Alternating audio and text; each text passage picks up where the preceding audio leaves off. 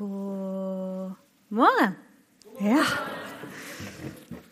Så kjekt å se dere i det fine været. Er det nesten sånn vi har begynt å venne oss til det? Jeg tror kanskje det. Det må vi aldri gjøre. Eh, velkommen òg til deg som lytter på podkast. Dere syns kanskje det er rart at vi sier det. Eller jeg har jo aldri sagt det før. Men eh, det er enormt mange som hører talene våre på nett. Og nå skal jeg si noe dere kanskje ikke visste. Men det er flere som hører talene på nett, enn det er som hører de her hver søndag. Visste dere det? Det er ganske bra. I fjor var det nesten 12 000 avspillinger av våre taler på nett. Så det er verdt et velkommen. Og til dere kan jeg òg si at jeg heter Ingrid Kjosavik. Jeg jobber til daglig som ja, hva skal vi si sanger. Og så har jeg det siste halvannet året hatt et eh, vikariat her i kirka. Det er jeg har lagd de ualminnelig fine programmene dere har. Og kontor. Og jeg har hengt litt med tweensene våre i kirka. De er fra ni til tolv. Veldig glad i de. Og litt søndagsskole og litt lovsang. Jeg har hengt en del i gangene her i kirka. I 17 år, faktisk. Jeg ble spurt om å tale her en gang i høst, og mitt umiddelbare svar var no way. Aldri i livet. Det kan jeg absolutt ikke tenke meg. Thank you very much. Så jeg sa ja. Og grunnen til det skal jeg fortelle litt om nå. Jeg møtte Jesus for første gang da jeg var 23 år. Og det er egentlig litt rart, for han hadde jeg hørt om egentlig helt siden jeg var liten. Gått på søndagsskole, i barnegospelsang, i TenSing, og hadde egentlig hørt kjempemye om han. Jeg har aldri hatt noen problemer med Gud. Han tror jeg alltid liksom har hatt et forhold til og tenkt at ja, han tror jeg på.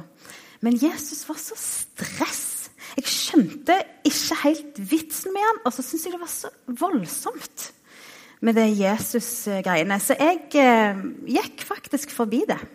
Så det ble eh, en, en, et enormt sjokk å innse og erfare at å, denne setningen som jeg har hørt så mange ganger, Jesus lever, at Jesus lever. Som på ordentlig. Jeg møtte en levende Gud som brydde seg om meg. Og det endra livet mitt helt på hodet. På mindre enn én en time. Ehm, jeg hadde ingen kristne venner, og jeg gikk ikke i noen kristne miljøer. Den eneste jeg akkurat hadde blitt kjent med som var kristen, og akkurat øyeblikk skulle bli kjæreste med, var Karl Dag, eh, som ved min side sto etter noen år. Eh, han valgte, etter vi hadde vært sammen i én måned, å flytte til Oslo for å studere i ett og et halvt år. Um, så Og jeg, jeg har forventa en sånn der Å. Jeg syns det var ganske drit, faktisk. Um, men så jeg eh, ringte til en kamerat som jeg gikk på videregående med, så jeg husket var kristen. Så fortalte jeg hva som hadde skjedd, og liksom sånn, hva gjør vi nå? Hvordan gjør vi dette? Og han gikk her, i Misjonskirka i Stavanger. Eh, så kom jeg inn døra her, og her møter jeg eh, pastoren, som var Ivar Øvergård. Og han er en sånn en så etter du har sagt hva du heter til etternavn, kan fortelle deg hvem du er. Mer enn du vet sjøl. Og han, her er mamma og pappa veldig uskyldige, for jeg er attpåklatt. Så jeg kom 10 og 15 år etter alle de andre. Så det er enormt mange ting i vår familie som folk glemte å si om igjen 15 år etterpå, så jeg bare ikke vet. No grudge. Men han kan fortelle meg at min oldefar, eh, Johannes Mæland, var med å liksom starte denne menigheten her. Og før de fikk dette bygget, så hadde de eh, møtene sine i hans fabrikklokaler. Og mamma og pappa traff hverandre her. Så det var utrolig spesielt for meg å komme her. Og det føltes veldig sånn riktig at her skal jeg være. Jeg følte jeg landa. Føler du kommer hjem når du, møtt, eh, når du møter Jesus, og så er det akkurat som jeg kom litt hjem når jeg kom her òg. Det var veldig spesielt for meg. Um, hele livet mitt endra seg, og det visste jeg i det øyeblikket. Jeg slutta i jobben min. Uh, jeg begynte å studere på Misjonshøgskolen For det ble enormt viktig for meg å lære så mye som mulig på kortest mulig tid. Så jeg måtte studere kristendom og bibelfag. Og den første gang Gud greip inn i livet mitt Det har han jo selvfølgelig gjort mange ganger, og det ser jeg veldig tydelig når jeg ser bakover. Men det som var spesielt med den gangen, var at jeg visste det i det det skjedde. Og det vil jeg fortelle om. Jeg fikk lappen ganske seint, så når jeg var 23 år, så var det enda litt sånn gøy å kjøre bil. Det vokser vi jo av oss. Eller ikke svigerfar, da, men eh, de fleste vokser det av seg. Han syns det er gøy å kjøre bil bare for å kjøre bil fortsatt. Um, men jeg var iallfall der da, at jeg syntes det var litt stas. Uh, var egentlig på vei hjem, og så hørte jeg på en fantastisk sang. Og så var det sånn der en elleville solnedgangshimmel. Så jeg kjente bare at åh, jeg må kjøre ut til Solastranden for å se solen gå ned. Eh, litt lei å tenke på nå, for jeg eier ikke sånne retningssans. Så jeg vet ikke engang om sola går ned på Solastranden. Men det føltes som en god idé akkurat da. Så jeg eh Når jeg kom på den kortsida med flyplassen eh, Nå er det ikke sånn lenger, men da måtte du svinge av der for å komme til Solastranden. Så skjer det at jeg kjenner at hele kroppen min vet hvor han skal. Og det er ikke til Solastranden. Men, eh, så jeg kjørte bare rett fram.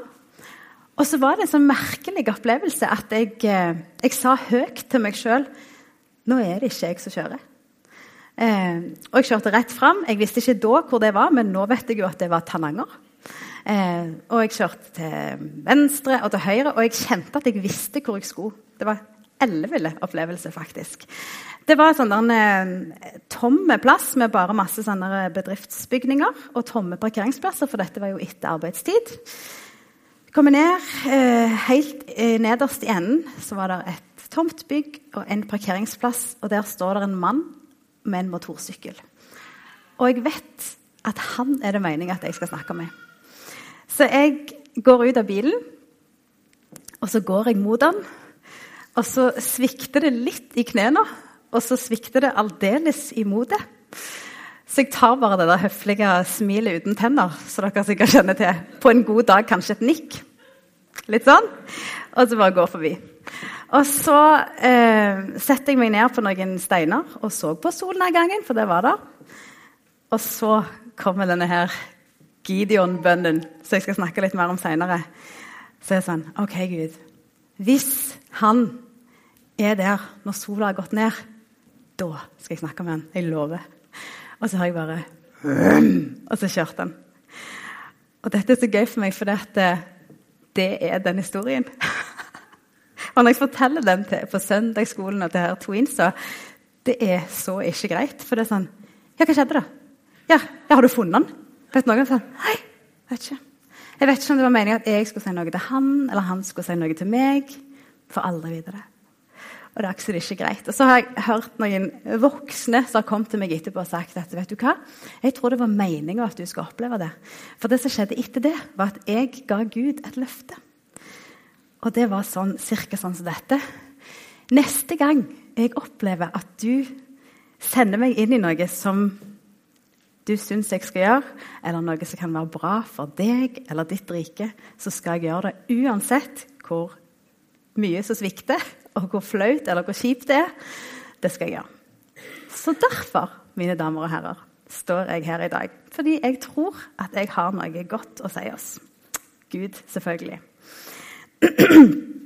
eh, når jeg møtte Jesus, 23 år, så tok det ti år eh, på noe som jeg har opplevd og gjorde hele veien òg som en slags forberedelse til noe. Og det var sånn Jeg, jeg snakket ganske mye om det, og jeg føler liksom at det er noe som skal skje. eller at jeg, det er noe som holder på, liksom. Eh, og de ti årene var jeg ganske sånn, litt sånn innadvendt, faktisk. Det handla om meg og Gud, og det hadde jeg behov for. Fordi at eh, jeg hadde ganske mye på innsida som måtte ordnes opp. Eh, hadde ganske mye bagasje og litt sånn indre helbredelse som måtte skje. Eh, vi er jo ganske gode der med mennesker, for at, eh, jeg visste hele veien at Gud har jo tilgitt meg. Det er jo Gud, han tilgir jo. Men så er det akkurat litt vanskelig å gi slipp på det sjøl. Eh, det er litt for lett. Eh, så jeg, det var en del ting som jeg sleit litt å tilgi meg sjøl for, faktisk. Eh, og så hadde jeg behov for å bli kjent med Jesus, selvfølgelig. Og bli kjent med alt, både her og her. Eh, men når de ti årene var gått, da vi kom til 2011, og jeg var 33 år, så merket jeg at ting begynte å skje litt sånn fortere. Så det eskalerte litt. Og på ei uke så skjedde det veldig mye. Eh, det var Den der, den norske kirke har en sånn en, jeg vet ikke om det heter kirkeuke, eller en eller annen sånn uke i fall, der de har litt sånn ekstra. De har gjerne medarbeiderfest og gjerne noen foredrag og konserter. og Litt sånn ekstra som skjer hele uka. Eh, og som sanger så er jo det da litt travel tid, for da var jeg på besøk i mange forskjellige kirker.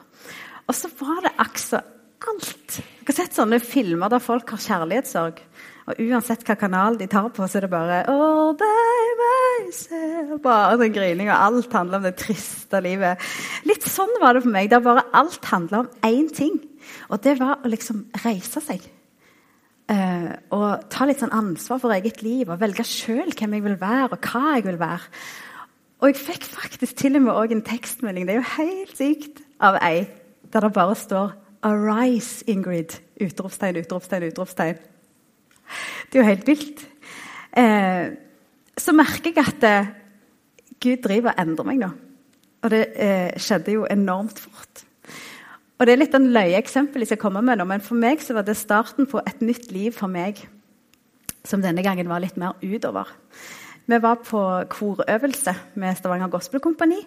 Og så trengte de, Det var besøk av en artist fra Sør-Afrika som hadde med seg familien som lurte på om det var noen som hadde hytte eller et eller annet kontakter, eh, typisk hytte på fjellet, for de hadde så lyst til å oppleve snø. Og så tar jeg meg sjøl i å rekke opp hånda.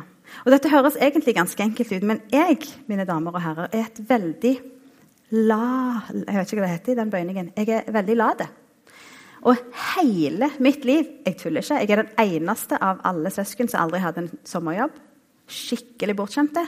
Eh, aldri gjort noe ekstra. Hvis folk trenger hjelp til noe ekstra, så ser jeg ned.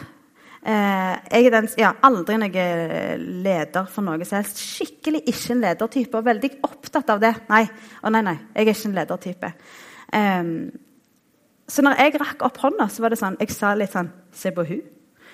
For det kosta meg ganske mye. Fordi at, for det første så måtte jeg sjekke med mamma og pappa om det var ledig, høre med søsken om de skulle være der. Jeg måtte snakke med disse, så jeg ikke kjenner det jeg er ikke så veldig glad i. Og på engelsk kjempestress. Eh, jeg kjørte opp foran de med min bil eh, til hytta liksom, for å vise hvordan de skulle gjøre ting, og sånne ting, og kjørte ned igjen. Det var tre timer. Det kosta meg litt. Eh, og Samtidig så var det virkelig åpning, eh, starten på et eh, litt sånn nytt liv igjen. Eh, en annen ting som er veldig gøy for meg å se tilbake på, er at jeg sleit maksimalt med å stå foran folk og snakke.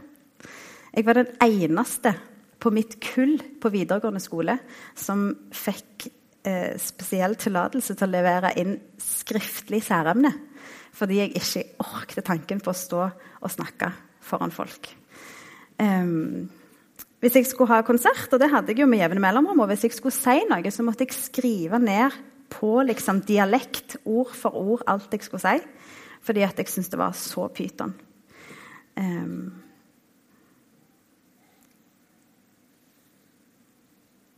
så Jeg visste at Gud var i ferd med å ta meg inn i noe nytt. Og så var jeg plutselig en helt annen. Jeg fikk anbefalt en tale av en som heter Brennan Manning. Som heter 'God loves you as you are, not as you should be'. Altså, Gud elsker deg sånn som du er, og ikke sånn som du burde være. Og Han har en deilig setning inni der, for der sier han Skal jeg fortelle deg en hemmelighet? Det er ingen som er sånn som de burde være. Ingen. Og det er ganske digg og befriende å tenke på. Så vet jeg at det er mange som finner det unaturlig å bruke ordet 'elske' i tide og utide. Så la meg si det sånn. Gud vil ha deg sånn som du er, og ikke sånn som du burde være. For jeg tror at vi mennesker innerst inne, og jeg snakker iallfall for min egen del, tenker at Gud nok hadde vært litt mer fornøyd med oss hvis vi levde litt mer sånn som vi syns vi burde. og at det er folk bedre egnet enn oss til jobben. Iallfall det. Sånn er det i samfunnet.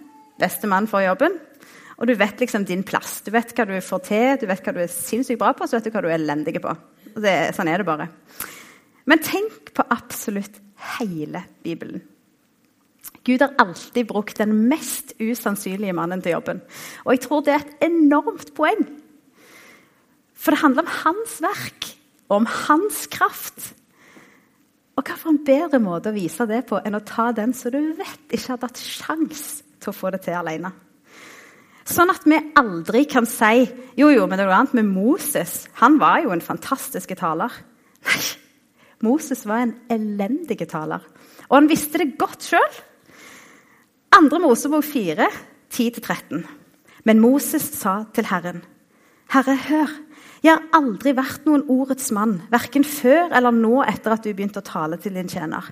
Sen er min munn og sen er min tunge. Da sa Herren til ham, hvem gir mennesket munn? Hvem gjør stum eller døv, seende eller blind? Er det ikke jeg, Herren? Gå nå. Jeg skal være med din munn og lære deg hva du skal si. Men han sa, Herre, hør, send heller en annen. Det er ganske ellevilt, for det sier noe om hva Moses vet om han og hans evne til å tale. For jeg tenker, Han vet han står med den allmektige Gud. Det gjør han faktisk. Og hvis du er sånn OK i noe, og Gud sier 'bli med meg på dette', så tenker du OK, dette skal vi nok få til. Med mindre det er det i verden du vet du er sinnssykt dårlig på. Det er Moses tenker at 'Å, du tar feil'. Herre, hør. Liksom. Så sier Gud alt det han sier. 'Jeg sender deg, jeg skal være med deg.' Så sier han, 'Men Herre, hør'. For han vet, og han kan ikke tro at det er sant. Og Nå kommer jeg fram til denne her Gideon-bønnen. For Gideon han står der om i dommerne i Gamle testamentet. Og han òg var en sånn en. Herren vendte seg til ham, Gideon, og sa.: Gå og bruk den styrken du har, til å berge Israel ut av hendene på midjanittene. Det er jeg som sender deg. Gideon sa til ham, Hør, Herre, hvordan kan jeg berge Israel? Min slekt er den svakeste i Manasseh, og jeg er den yngste i, fars, i min fars hus. Da sa Herren til ham, Jeg vil være med deg, og du skal slå midjanittene, alle som en. Og så kommer denne herlige Gideon-bønnen, den som jeg ba når jeg satt der på solnedgangen. Ok, hvis okay? Gideon ber hvis det virkelig er sånn at jeg skal gjøre dette For han kan ikke tro det. Han nekter å tro at det er han Gud vil ha. Hvis det er deg, så la denne ullen Han la ut en ull på gresset. Og hvis den var kliss blaut mens gresset var tørt, så var det liksom et tegn fra Gud om at det er sånn det er. Det er deg jeg vil ha. Um, så gjør han jo det. Han våkner opp. Ullen er dassblaut, og gresset tørt. Og så er ikke det nok. Og det er òg så erketypisk oss mennesker, for da ser jeg for meg at han har tenkt Men vent litt. Sånn, hvis jeg helt seriøst bare hadde gjort dette nå, så står solen opp, og så begynner det å bli litt varmt, så tørker jo gresset. Og ullen holder sikkert litt på det der vannet, så dette kunne jo skjedd uansett. OK, Gud. Omvendt, da. Vi snur på det. Han spør Gud én gang til. Hvis gresset er dassbløtt i morgen, og denne her ullen er knusktørr, da skal jeg gjøre det. Og hvorfor gjør Gideon det? Fordi han er helt overbevist om at han ikke er rett mann for jobben. Han vet at det er så mange som er bedre enn han. Og sånn holder vi på. Vi vil ikke helt tro at Gud kan bruke oss. Så når Gideon endelig går i gang da, og skal lede denne hæren i krigen mot midjanittene, så har han en hær på 32 000 mann. Så sier Gud at det er for mange. Du har for mange folk med deg, sier Gud. Jeg vil ikke gi midjanitten i hendene på dem, for da kunne Israel briske seg mot meg og si ved min egen hånd har jeg blitt berget. Så etter Gud fjerner flere og flere og deler gruppen i to og i to og i to og tar vekk de og tar vekk de, så står Gideon igjen med 300 mann. Og når de da vant, så ble jo han hylla av israelittene.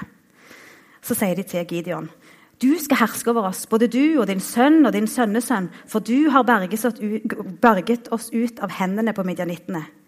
Men Gideon, som vet veldig godt hvem som skal ha æren, sier, Jeg skal ikke herske over dere. Sønnen min skal heller ikke herske over dere. Herren skal herske over dere.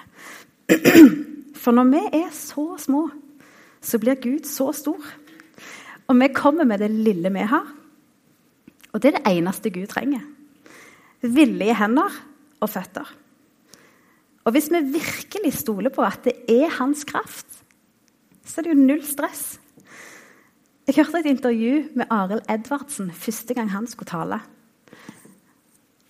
Han, jeg husker ikke akkurat hvem det var for, men jeg tror det var på et gamlehjem eller et gammelt bedehus. Det var iallfall for noen gamle damer. Og han var litt sånn prega av stundens alvor.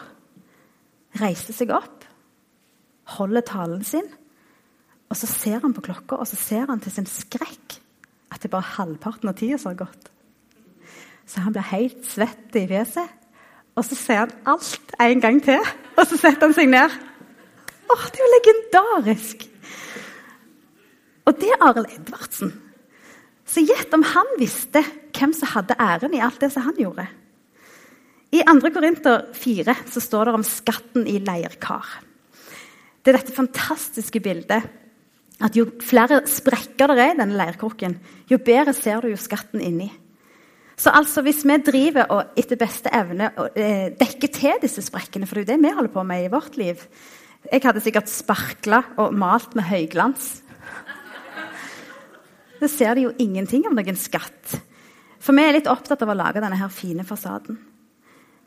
Men hva hvis vi bare er helt ærlige på dette og sier her er min elendige krukke? Jeg har ca. 104 sprekker. Her er de. Mange er små, men her er det noen svære noen. Hva er det folk ser da, når de ser meg? Det er jo han som er inni her. Og det er jo det jeg vil de skal se. Men så er det én ting å høre noen si alle disse tingene. En annen ting er å virkelig si det til seg sjøl. Det er liksom denne Men hvem er jeg? Og da kan du tenke på at du er i enormt godt selskap. Du sitter der sammen med Moses og Gideon og David og de. Du er en av de. Avslutningsvis skal jeg fortelle deg hvem du er. Jeg har latt dette være hele baksida på programmet vårt i dag. Så du kan ta det med deg hjem og ramme det inn eller henge det på speilet eller gi barn, barnebarn eller fadderbarn. Og hvis du på podkast òg vil ha en, så det er bare å komme innom, så skal du få en òg i valgfri farge. Altså hvem er du? Salme 139, 13 sier du er unik. Jeremia 31, 13 sier du er elska. Efeserne 2,10 sier du er spesiell. Salme 45, 12 sier du er vakker. Jeremia 29, 11 sier du er skapt med en hensikt. 1. Korinter 6, 20 sier du er dyrebar. Salme 68, 35 sier du er sterk. 1. Peter 2, 9 sier du er viktig. Salme 103, 12 sier du er tilgitt. 2. Korinter 5, 17 sier du er en ny skapning. Salme 121, 3 sier du er beskytta. I Filipperne 4,13 står det òg at du er sterk. Johannes 15, 16 sier du er utvalgt. Efeserne 2,19 sier du er familie. Og i Jesaja 43, 43,1 så sier Gud, du er min. Kjære far, takk for at du vil ha oss sånn som vi er, og ikke sånn som vi burde være. Takk for at det er plass til alt vårt mørke i ditt lys. Lær oss mer om hvem du er, og vis oss vår identitet i deg. Vi ber vi sammen vår far. Han skal komme på veggen, ja. Vår Far i himmelen. La navnet ditt helliges. La riket ditt komme. La viljen din skje på jorden slik som i himmelen. Gi oss i dag vårt daglige brød, og tilgi oss vår skyld, slik også vi tilgir våre skyldnere og la oss ikke komme i fristelse, men frels oss fra det onde. For riket er ditt, og makten og æren i evighet. Amen.